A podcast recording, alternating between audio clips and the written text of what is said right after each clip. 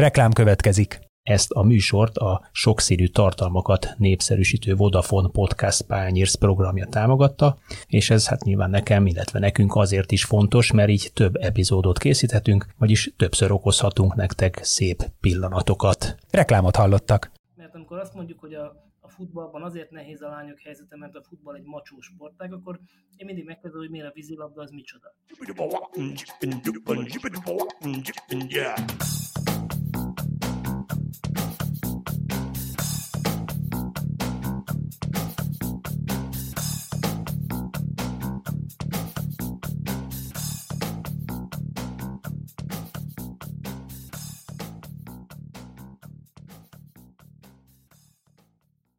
Sziasztok, ez itt az Ittere24.hu focis podcastja, én Kele János vagyok, és ezúttal is itt van velem az éteren keresztül Kánok Kis Attila. Szervusz Jani. Aki továbbra is a 24.hu főmunkatársa, és ma abban fog a segítségemre lenni, hogy egy picit jobban megvilágítsuk a magyarországi női futball helyzetét. Ugye az előző héten az MLS általános stratégiájáról, az elmúlt tíz évéről, és a, a magyar futball egésze előtt álló kihívásokról, lehetőségekről picit talán a veszélyekről vagy kockázatokról is beszéltünk, és hát óhatatlanul is ennek a beszélgetésnek a fókuszpontjában azért a férfi futball volt, a válogatott volt, az, ami a kirakatban van, de azért ne felejtsük el, hogy az MLS azért bőven nem csak a a férfi felnőtt futballal, meg annak az utánpótlásával vagy hátországával foglalkozik, hanem azért ott van többek között a palettán a grassroots, a futsal, vagy éppen a női futball is. És aki ma ebben segítségünkre lesz, hogy a női futball ban zajló folyamatokat egy picit jobban megértsük, az Dénes András, aki jelenleg újságíróként dolgozik, de korábban volt az MLS-nél női szakágvezető is. Szervusz András, köszöntelek az adásban. Szervusztok urak! Szervusz András! No, szerintem kezdjük azzal, hogy azzal beszél, vagy arról beszélgessünk egy picit, hogy a női futballnak milyen jelen pillanatban a megítélése a helyzete Magyarországon belül, és főleg így a, a magyar futball közvéleményen vagy közösségen belül. Mit gondolsz? Én azt gondolom, hogy a női labdarúgás az óriási handicappel indul a többi sportákhoz képest.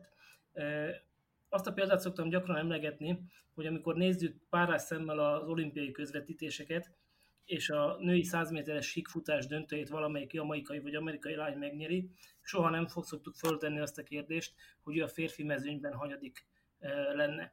Ugyanez igaz mondjuk a női vízilabdára is, és nem tesszük fel azt a kérdést, hogy Görbic Anita, aki egyébként futballistának is kiváló lett volna, de mondjuk kézilabdázóként eh, milyen szintű fiúcsapatban tudna játszani. Eh, a lányok meg vannak azzal súlyosbítva, hogy őket mindig összehasonlítják a fiúkkal, és mindig oda méregetik, holott én azt gondolom, hogy eh, ezt a kettőt ezt nem, nem szabad egybe mosni, és nem szabad az egyenlőség előtt tenni közéjük.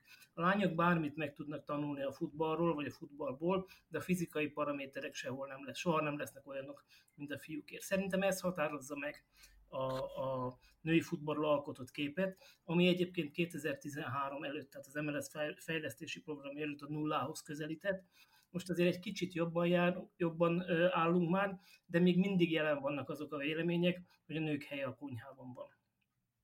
Nagyon érdekes, amit, amit mondasz, hiszen ugye volt, a, ha, ha már a tenisszel például összehasonlítjuk, hogy egy, egy női teniszedzőt sosem akarnak, akkor volt egy olyan időszak, amikor emlékeim szerint ugye olyan atomtenisz volt a férfiaknál, a szerva röpte korszak, amikor én magam, mint tenisz szerelmese, szeretője, nézője, azt mondtam, hogy inkább nézek egy, egy jó női meccset, mert ott történik valami, ott vannak labdamenetek, miközben ugye a férfiak szerva, bum, röpte viszontlátásra két-három ütésből elintéztek ugye egy-egy, egy-egy pontot.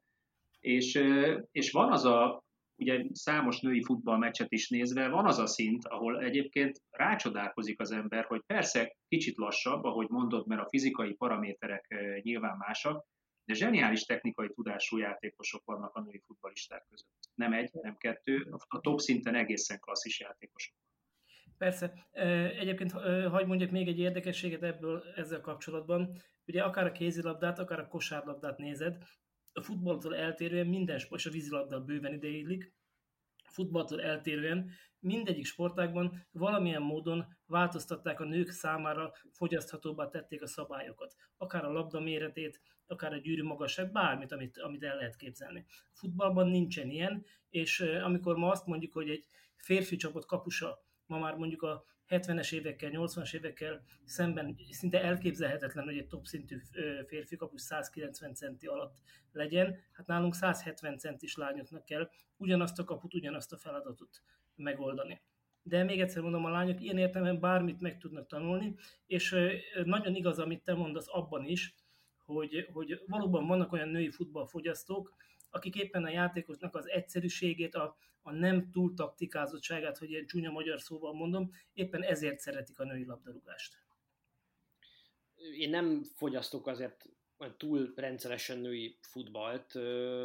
Valamennyire igyekszem követni a nemzetközi trendeket, hogyha van világbajnokság, akkor az például érdeklődéssel követem általában, de hogy a tavalyi budapesti női bajnokok ligája döntőt azt megtekintettem én is, és nagyjából az volt a benyomásom, hogyha itt mindenféle prekoncepciót, meg előítéletet félreteszek ezzel kapcsolatosan, amelyik nyilván azért létezik a közegben, vagy én is hallom, meg látom ezeket.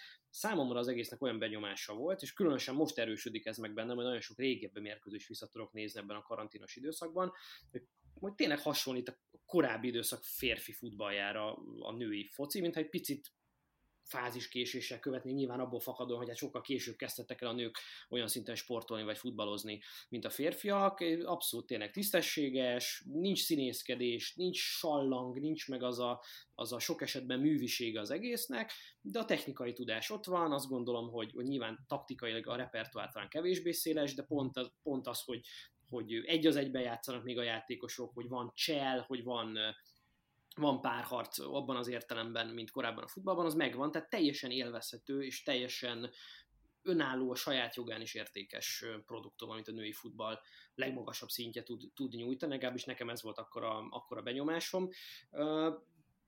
Arról beszélünk talán ennek kapcsán, hogy Magyarországon elindult-e a tömegesítésben valami olyan előrelépés az elmúlt időszakban, ami, ami abba az irányba mutathat, hogy, hogy esetleg itt gyorsabban és könnyebben tud fejlődni a magyar labdarúgás a női szakákban, mint a férfiaknál, ahol meg már nagyon-nagyon terített a, a mezőny.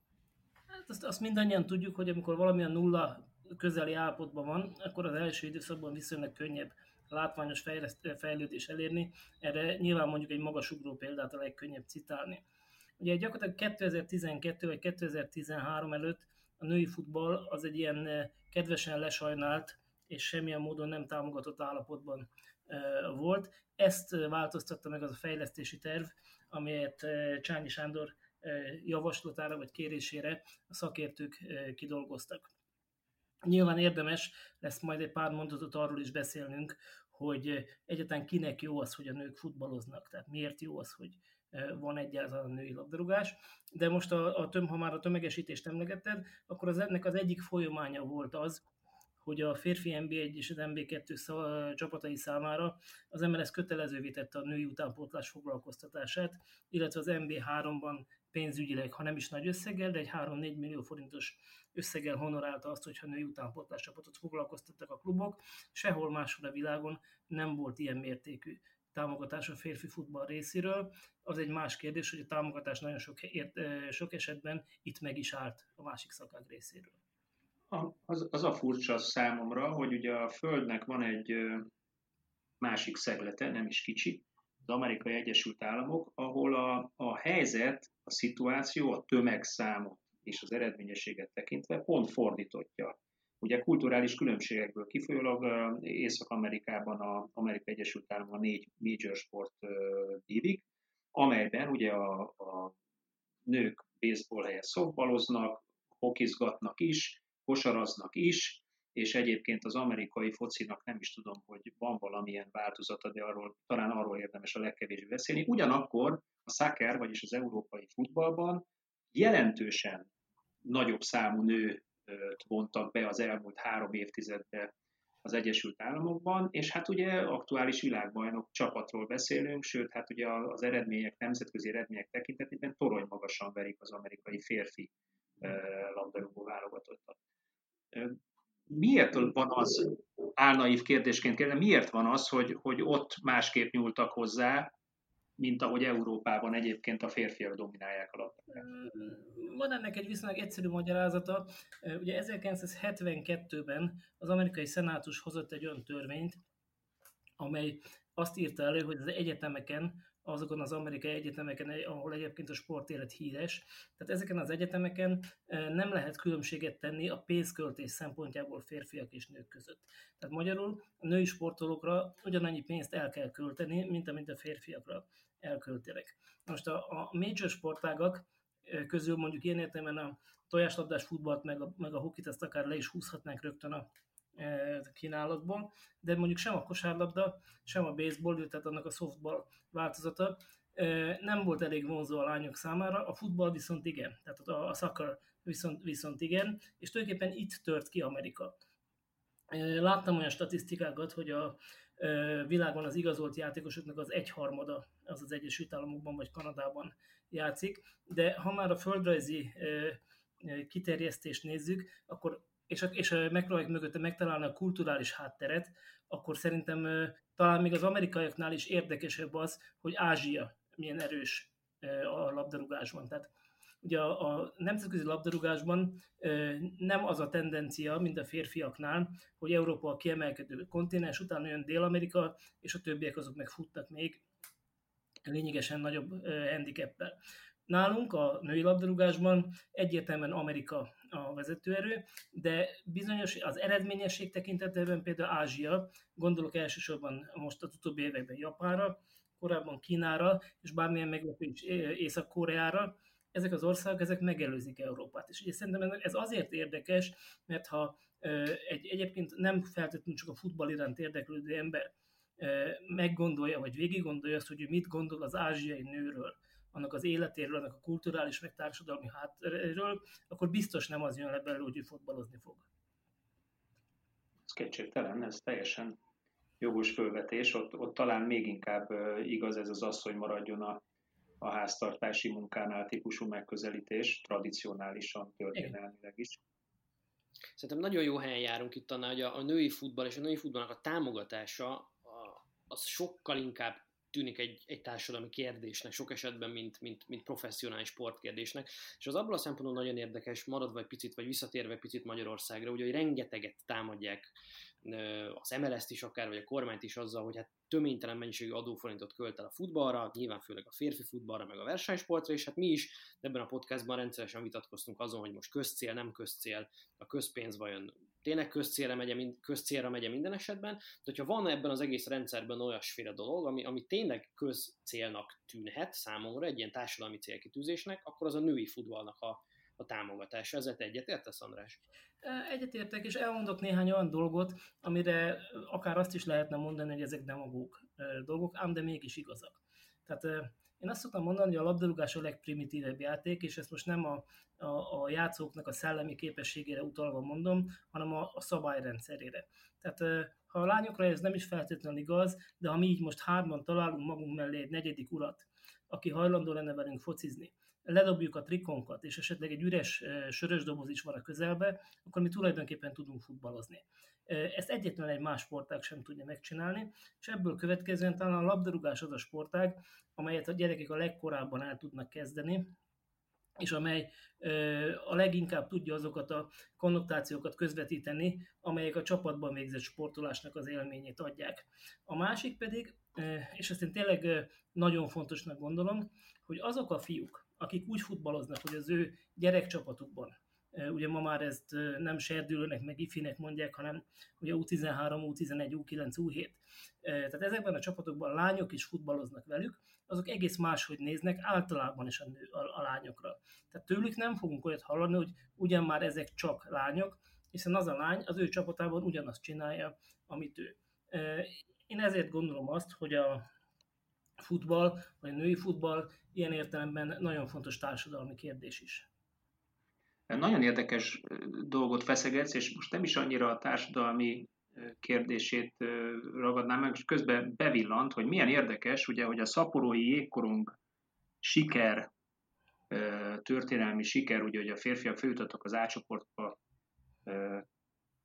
hozományaként, vagy egyfajta hát ilyen, ilyen második vonalas hasznaként nagyon furcsa módon azoknak a játékosoknak a testvérei, akik akkor ugye ott, ott játszottak, vagy annak a sikernek a kapcsán elkezdő, hokizba vágó, hokizni kezdő lányok közül most ugye eljutott odáig egy csapat, hogy átcsoportos lett.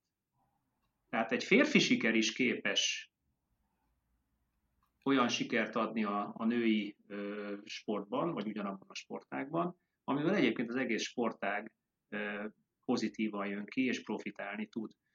És ilyen, ezt azért vetettem föl, mert hát ugye egyrészt a, a magyar férfi futballnak a kvázi sikertelensége, sikeressége, ugye ezzel mindig vitatkozunk, nehéz sikerességet fölmutatni az utóbbi 30 évben, de ugye az a fajta átpolitizáltsága, ami, ami főleg az utóbbi két évtizedben van, valamilyen gátat szab számomra annak, hogy egyébként egy tök normális cél, társadalmi cél akár, hogy még több nő sportoljon egy olyan sportágban, amik a legtöbb embert foglalkoztatja Magyarországon, mind fizikailag, mind érzelmileg, jobban ki tudjon teljesedni.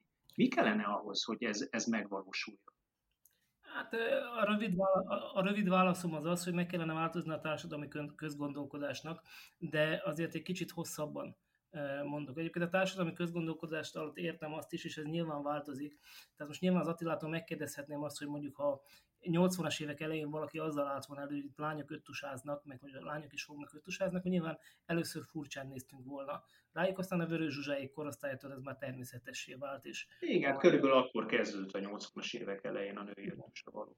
Tehát magyarul, és ugye a vízilabda is jó példa erre, mert amikor azt mondjuk, hogy a, a futballban azért nehéz a lányok helyzete, mert a futball egy macsó sportág, akkor én mindig megkérdezem, hogy miért a vízilabda az micsoda. Tehát én azt gondolom, hogy, hogy ezt két, két szempontból érdemes a női labdarúgást figyelni, most a sportszakmai része mellett. Az egyik, ez a bizonyos társadalmi háttér, erről talán érdemes lesz majd még egy kicsit bővebben is beszélni, a másik pedig a gazdasági jelentősége. Ugye amikor elkezdtük írni ezt a bizonyos 77 pontos fejlesztési programot a Magyar Labdarúgó Szövetség számára, akkor azt fogalmaztam meg azt a gondolatot, hogy a női futball fejlesztése elsősorban a férfi labdarúgás érdeke. Azért, eh, mert eh, a nők, női fogyasztó bevonásával, akár ha a reklámpiacot eh, nézzük egy piaci alapú futballban, akár azt, hogy a családokban a költésekről kik hozzák a döntéseket, vagy ki hozza a döntéseket, ezek mind arra felé mutatnak, hogy igen, a férfi futball jól jár azzal, hogyha a nők szeretik a futballt. Ugye ez nálunk szerintem ez a szegmens ez kimaradt, szerintem a férfi futballunk talán a társadalmi ellenállás okán is, de ezt nem vette ezt az akadályt, miközben azt látjuk, ugye János az előbb mondta, hogy azért a nemzetközi mezőnyt követi, hogy mondjuk az európai top bajnokságokban mondjuk így, hogy azokban az országokban, amelyeket a férfi futballban európai top bajnokságnak szoktunk tekinteni, a, kiemel, legkiemelkedőbb csapatok. Angliában, most női futballról beszélek, Angliában az Arsenal, a Manchester City, a Chelsea, Spanyolországban a Barcelona és az Atletico Madrid, Olaszországban a Juventus és a, az AC Milan, Franciaországban az Olympique Lyon és a Paris Saint-Germain, Németországban a Bayern München és a Wolfsburg, Belgiumban az Anderlecht a bajnok, Hollandiában a PSV Eindhoven és az Ajax, tehát mind-mind olyan, ország, olyan csapatok, amelyek erős férfi futball bázissal és háttérrel rendelkeznek. Én azt gondolom, ezért nem mindenki hülye, hogy kidobja a pénzt az ablakon, és értelmetlen dolgokra költse. Nagyon érdekes, amit erről mondasz, hogy a, a női fogyasztói bázis megteremtése is milyen érdekes vagy milyen fontos lenne a férfi futball szempontjából is. Azon gondolkodtam, hogy, hogy az olyan igazolható, te olvastál erről valamit, hogy a nők szívesebben néznek-e esetleg női futballmérkőzéseket, tehát őket rá lehet szoktatni a női futballon keresztül a férfi futballra, vagy, vagy ez ilyen elkülönül, amit én bevallom nem gondolnék annyira logikusnak, hogy a nők szívesebben néznek női futballt, mint férfi futballt.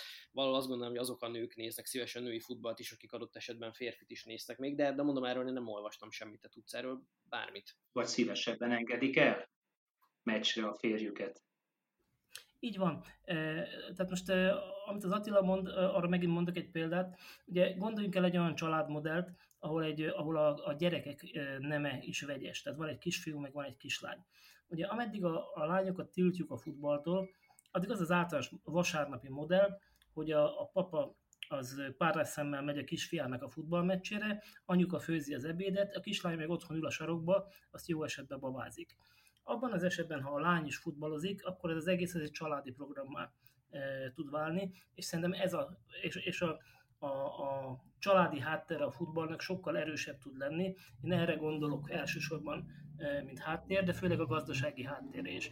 Most a, a nőknek vagy a lányoknak a futballnézési szokásait, én azt gondolom ezért a nőkre általában az igaz, hogy azért kevesebb mérkőzést néznek. Tehát még azt is megkockáztatom, hogy a nők, nők többsége az olyan mérkőzést néz, ami valamiért fontos neki. Tehát ott, ahol a szurkolói attitűd is valamilyen módon megjelenik, tehát nem feltétlenül a, a játékrendszerek különbözőségét akarja figyelemmel követni, de szerintem ilyen szempontból nincsen különbség azt, hogy most férfi meccset vagy női meccset néz, inkább a kötődés vagy a színvonal lehet az érdekes.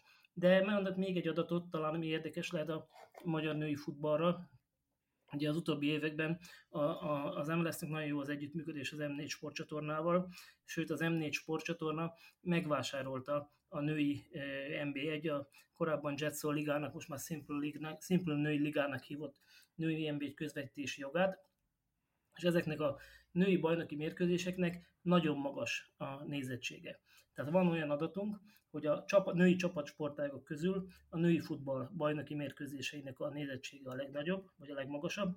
Ugye ezt azért kell hangoztatni, hogy a, vagy kiemelni, hogy a bajnoki mérkőzések közül, mert nyilván mondjuk az Audi Etónak a BL meccsét azt azért többen nézik természetesen, de egy sima ö, kosárlabda vagy kézilabda bajnoki ö, mérkőzést, vagy egy vízilabda bajnoki mérkőzést megelőz már a női futball, tehát eseményé tud válni a televízió. Ez egészen megdöbbentő egyébként, amit, amit mondasz, nekem nem volt meg ez az adat, de most ez azért úgy melbevágott. Hát biztos, hogy ebben szerepet, tehát bármennyi is furcsa, ebben talán szerepet játszanak a csapatnevek is. Tehát aki, aki egy férfi futballfogyasztó, vagy egy futballfogyasztó, az azért egy Fradi MTK-t, ezt meg, leül megnézni, mert hiszen ők is mégiscsak a mi csapatunk. Ugye a, a, a nagy nyugat-európai kluboknál Például a Chelsea-nek erre rengeteg jó példája van. A brandhez hozzátartozik mindenfajta csapat, még a hátrányos helyzetükben, akár szellemi fogyatékosokból is. Nyilván nem akarom a nőket velük párhuzamba állítani, csak mondom, hogy annak is van egy szurkolói rétege, mert ők is Chelsea. Szerintem a brandépítés szempontjából ezért nagyon fontos lépés volt az, hogy mi a, a női futballt igyekeztünk a nagy klubok felé terelni. Van ennek a kérdésnek szerintem egy másik vetülete is itt a női fogyasztóknak a megcélzás, meg illetve a női egyenjogúságnak a kérdése szerintem, mint társadalmi vetület, az nagyon fontos tud lenni. Most uh, nyilván hozhatnék példaképpen külföldi országokat, uh, azt hiszem, hogy talán egy évvel ezelőtt, nagyjából egy évvel ezelőtt írtam egy, egy cikket a 24.hu-ra Alex Scottról, aki az egyik legsikeresebb angol női futbalista volt, és a és aztán brit televíziós csatornáknak kezdett dolgozni szakértőként férfi mérkőzéseken is, ami aztán egy elég komoly társadalmi eszmecserét vagy vitát váltott ki egyébként még Angliában, és azt hiszem Graham Sunes volt az egyik, aki, aki ezt nehezményezte, hogy így nők beszélnek ugye a férfi futballról, de így Magyarországon is megfigyelhető, hogy adott esetben olyan hölgyek, akik a futballal vagy sporttal foglalkoznak, azok bizonyos szerepekbe, amelyekbe korábban nem volt lehetőségük betörni, azokban női futballon keresztül törnek be. Azt mondom, Csepei Adrienre gondolok, aki a szakkommentátor volt, női futballmérkőzéseken nem nagyon láttunk férfi futballt közvetíteni szakkommentátorként nőt azóta sem. Berkes Juditot említhetném, aki ugye műsorvezetőként vagy pályaszéli riporterként rendre előfordul férfi mérkőzéseken, talán az egyik legismertebb, legkedveltebb ilyen szerepből Magyarországon, de hát ugye kommentátorként női mérkőzéseken láttuk őt eddig, miközben például a Match of the Day-ben, hogy van női hölgy vagy hölgy kommentátor is van a csapatban a Match of the Day-ben, az most már teljesen természetes, ugye a férfi meccsekről beszélek. Tehát lehet ilyen szerep esetleg a női futballban, hogy, hogy női újságírók, szakkommentátorok, kommentátorok ezen keresztül válnak elfogadottá, és aztán később majd majd a férfi futballba is bekerülnek. Mondok még egy példát, hogy Stefani Frappár, aki ugye női világbajnoki döntőt vezette legutóbb, ő aztán megkapta 2019-ben az Európai Szuperkupa döntőt is játékvezetőként. Ez szintén egy komoly vihart kavart egyébként a közvéleményben, vagy a közbeszédben. De hát ugye említhetnénk Kulcsár Katalint, aki Magyarországon vezetett férfi mérkőzéseket, aztán jó ideje nem vezet valamilyen okból férfi mérkőzéseket, szóval ez egy nagyon komplex, meg érdekes ilyen társadalmi kérdés valóban. Nekem ebből a szempontból tűnik úgy leginkább. Azt gondolom, hogy, hogy a mi szakmánk, ha most csak a, a sportúságíró szakmát gondolod, az egyáltalán nem kedvez a nőknek jobban, mint amennyire a futball maga kedvez. Tehát ez egy, mondhatnánk, hogy ilyen a rock and roll, de, de azt gondolom, hogy azért mind a hárman jól ismerjük a hazai újságírói mezőnyt, és valószínűleg talán még az is lehet, hogy egy kezünkön meg tudnánk számolni azoknak a női sportújságíróknak a, a számát, akik rendszeresen publikálnak, és valóban a Judit, a Berkes Judit ebben egy üdítő kivétel, ráadásul abban is üdítő kivétel, hogy szerintem nagyon gyorsan ment előre a televízióban, és hát a televíziónak megvan az a, az, az előnye, mondjuk ezt mindannyian többé, többé-kevésbé írott sajtós újságíróként, hogy azért a, a, a televízió képernyő az mindig fölemel, és mindig segítséget ad az ismertséghez. Az, hogy, hogy van-e arra lehetőség, hogy a női futballban dolgozók ilyen értelemben a férfi futball felé menjenek, ezt én nem tudom megmondani, de azt meg tudom mondani, hogy nem vagyok benne biztos, hogy egyáltalán szeretnének. Tehát én nem vagyok benne biztos, hogy, hogy nekik ez az igényük. Hogy van egyébként mi a női mérkőzéseken törekszünk arra, hogy női szakkommentátorok legyenek. Ugye nyilván Marko Edina kivételes személyisége a, nem csak a magyar, magyar női futballnak, hanem a magyar futballnak is, ugye ő prolicenszes edző is ráadásul, de rajta kívül is voltak női kommentátoraink, vagy a női szakkommentátoraink, akiket nagyon szívesen fogadtak a nézők, már csak azért is, mert ők egy csomó olyan dolgot tudtak belső emberként, ami érdekes volt a fogyasztó számára. De ha most visszagondol, visszautalok egy kicsit arra, amit mondtál a Graham Souness nyilatkozatára, tehát ez marha jó, hogy, hogy a, a Souness azt mondja, hogy nehogy már egy nő itt elkezdjen a futballról beszélni, de úgy igazából nem tudnám megmondani. Tehát, tehát tényleg egyszer tegyük már föl magunknak, mi férfiak azt a kérdést, hogy egyébként a, különösen ha a játék elméletét nézed, miért is ne tudná egy nő ezt megtanulni? Igen, de most pont a, pont a Janinak ugye a, a blogjának az egyik üzenete az, hogy nem kell ahhoz zsokénak lenni, hogy egyébként beszélgetni tudjál a lóversenyről, vagy jól idéztem? Jani, nem? Igen, ez egy, ez egy, ez egy Ari, Ari Gosszák kinyilatkozat, hogy a Zsokitól sem szokták megkérdezni, hogy volt-e korábban ló. Ló, ja igen, igen, volt-e korábban ló. Tehát ugye ez, ez egy nagyon érdekes összevetés, és, és hogy egy, megint átcsatoljak egy kicsikét ugye Amerikára, hogy van, ahol ez történelmileg jobban működik, ugye azért a, a, a tavaly volt azt hiszem, hogy egy komolyabb vita, ami aztán médiavihart is kavart az amerikai női válogatott sikere kapcsán, hogy ugye kicsit nehezményezték, hogy, hogy lényegében nem kapnak ők akkora juttatást, pénzösszeget, mint a férfi professzionálisra változó férfi futball az MLS, mire ugye az amerikai futball szövetség elnöke azt mondta, papíron bizonyítva állítólag, hogy ugye több pénzt kaptak az elmúlt tíz évben az amerikai női válogatott, a többet fordított a szövetség, mint a férfi válogatottra. Tehát mondjuk ettől mi még nagyon messze vagyunk minden szinten. Ugye ez a, az amerikai lányoknak, akiknek most azért a, a Rapino az ilyen szellemi vezére is, tehát a, a, az ő nekik ez a Equal Play, Equal Pay kampánya, ez egy tulajdonképpen egy társadalmi kampány, ami megint csak messze túlmutat azon, hogy futballon. Nyilván erről, és, és azt gondolom, hogy azért Amerikát, ahogy te is mondtad, azért mindig kezeljük egy kicsit külön. Tehát ugye, a, amikor tavaly nyáron a, a USWNT megnyerte a világbajnoki címet, akkor talán a legfontosabb polémia az volt, hogy ők most elmennek-e a Trump fogadására, vagy pedig azt mondják, hogy a Trump úgy beszél a a, a, a Trump homofób kijelentései és egyéb a, a kisebbségekkel kapcsolatos kijelentése miatt ők egyszerűen negligálják ezt. És ez nagyon komoly társadalmi feszültséget okozott a közgondolkodáson belül is. Hetekig tém volt az amerikai sajtóban. Így van. Na most Európát nézve, ugye maradjunk csak mondjuk az FC Barcelonánál mert ez egy mondjuk egy olyan klubnál, amelynek erős a, a, a férfi csapata, és hát a maga módján erős a női csapata. Én azt gondolom, hogy, hogy tehát normális ember azt nem veti föl, hogy, hogy a Barcelonának a női sztárjai ugyanannyi pénzt keressenek, mint a Messi.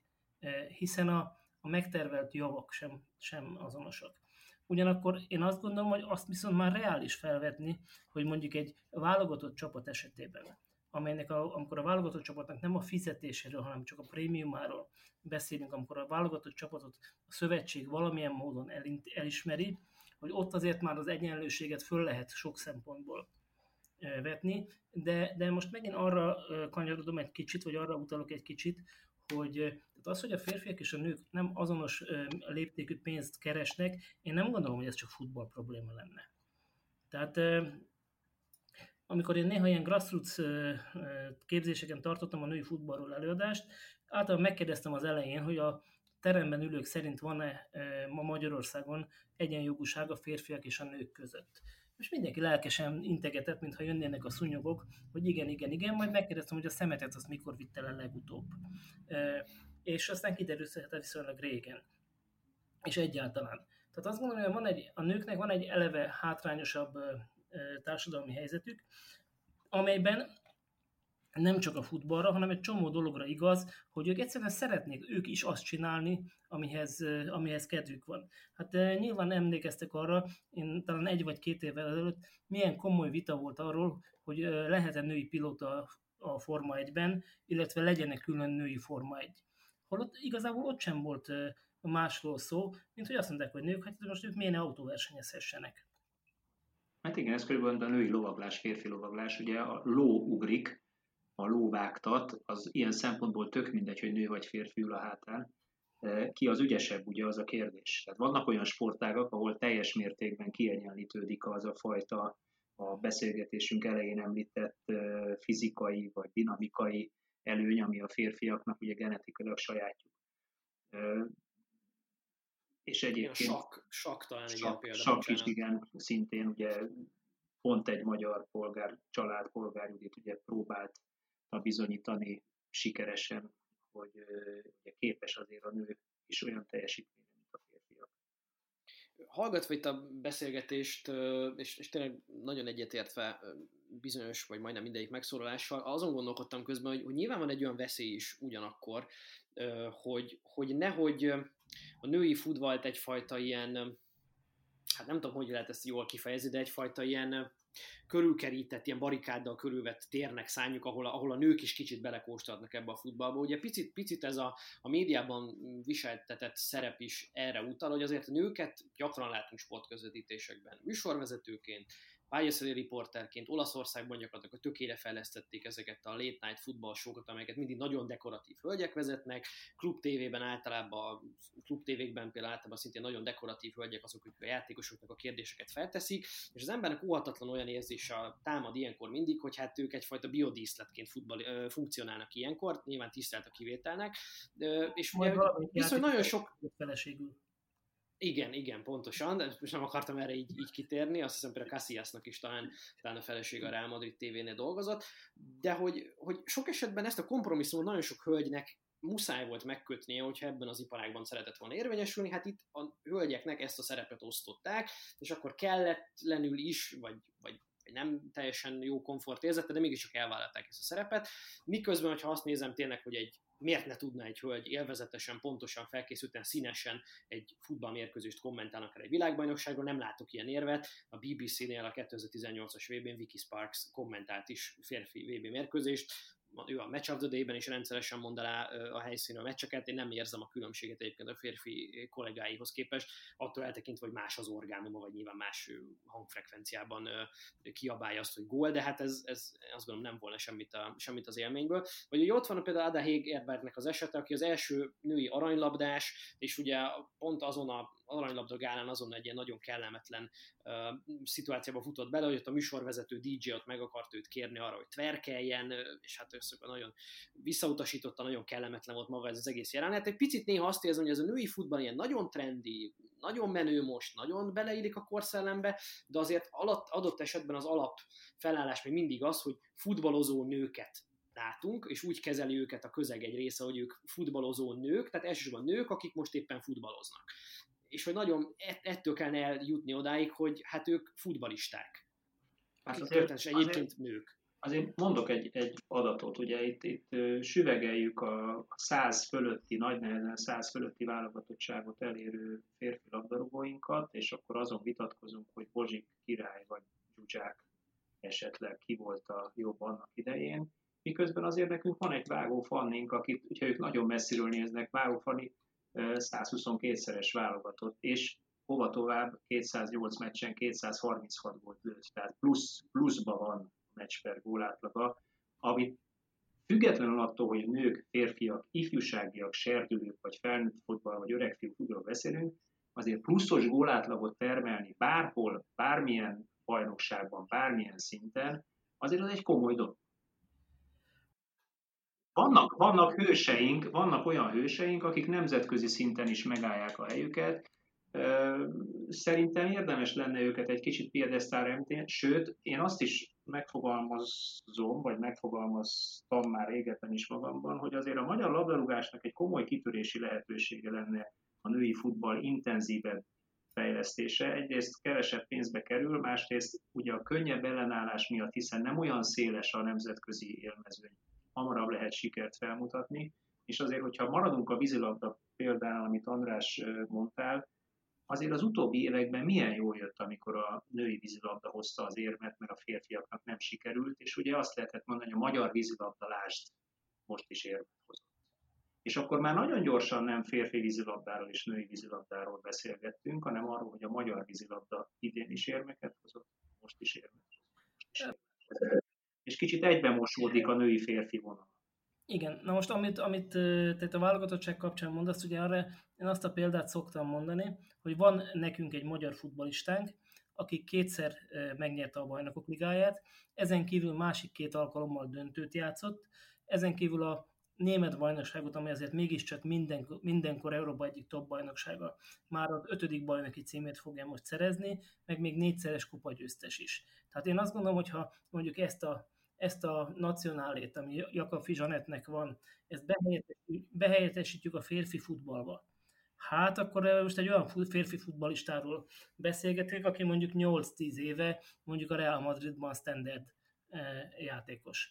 Tehát az, én azzal tökéletesen egyetértek, hogy, hogy nem becsüljük meg a saját értékeinket, vagy nem,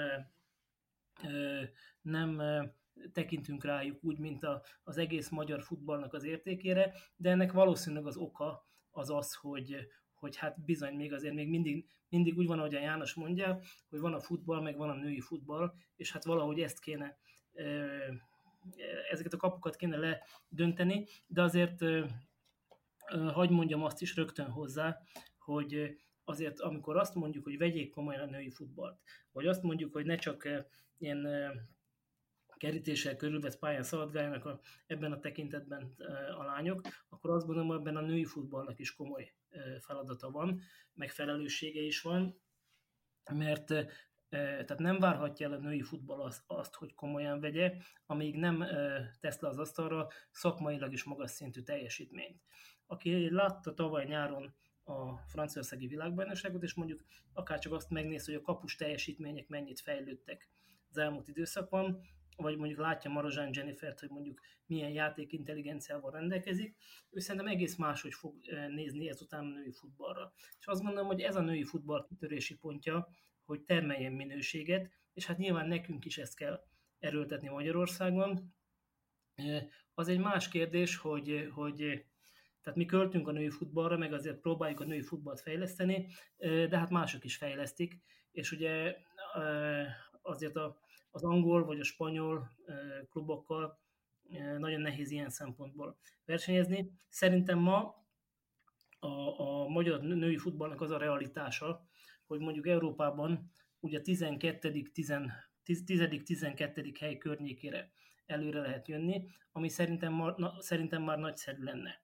Ugye mi el vagyunk egy kicsit kényeztetve a futballban, mert még mindig abban élünk, hogy a Sárosék vagy a Puskásék generációja világbajnoki döntőt játszott, de én azt gondolom, hogy ha elfogadnánk azt, hogy még a magyar női futball Európában a 10.-12. helyen tudna lenni, akkor ez azt jelenteni, hogy az Európa bajnokságokon mindig ott vagyunk, a világbajnoki selejtezőkön általában ott vagyunk, de van esélyünk, és mondjuk a UEFA női bajnokok ligájába, amely 2021-től már ugyanúgy csoportkörös lesz, mint a férfi bajnokok ligája, állandó főtáblások vagyunk. Szerintem ez egy, ez egy nagyon eh, szép színvonal lenne.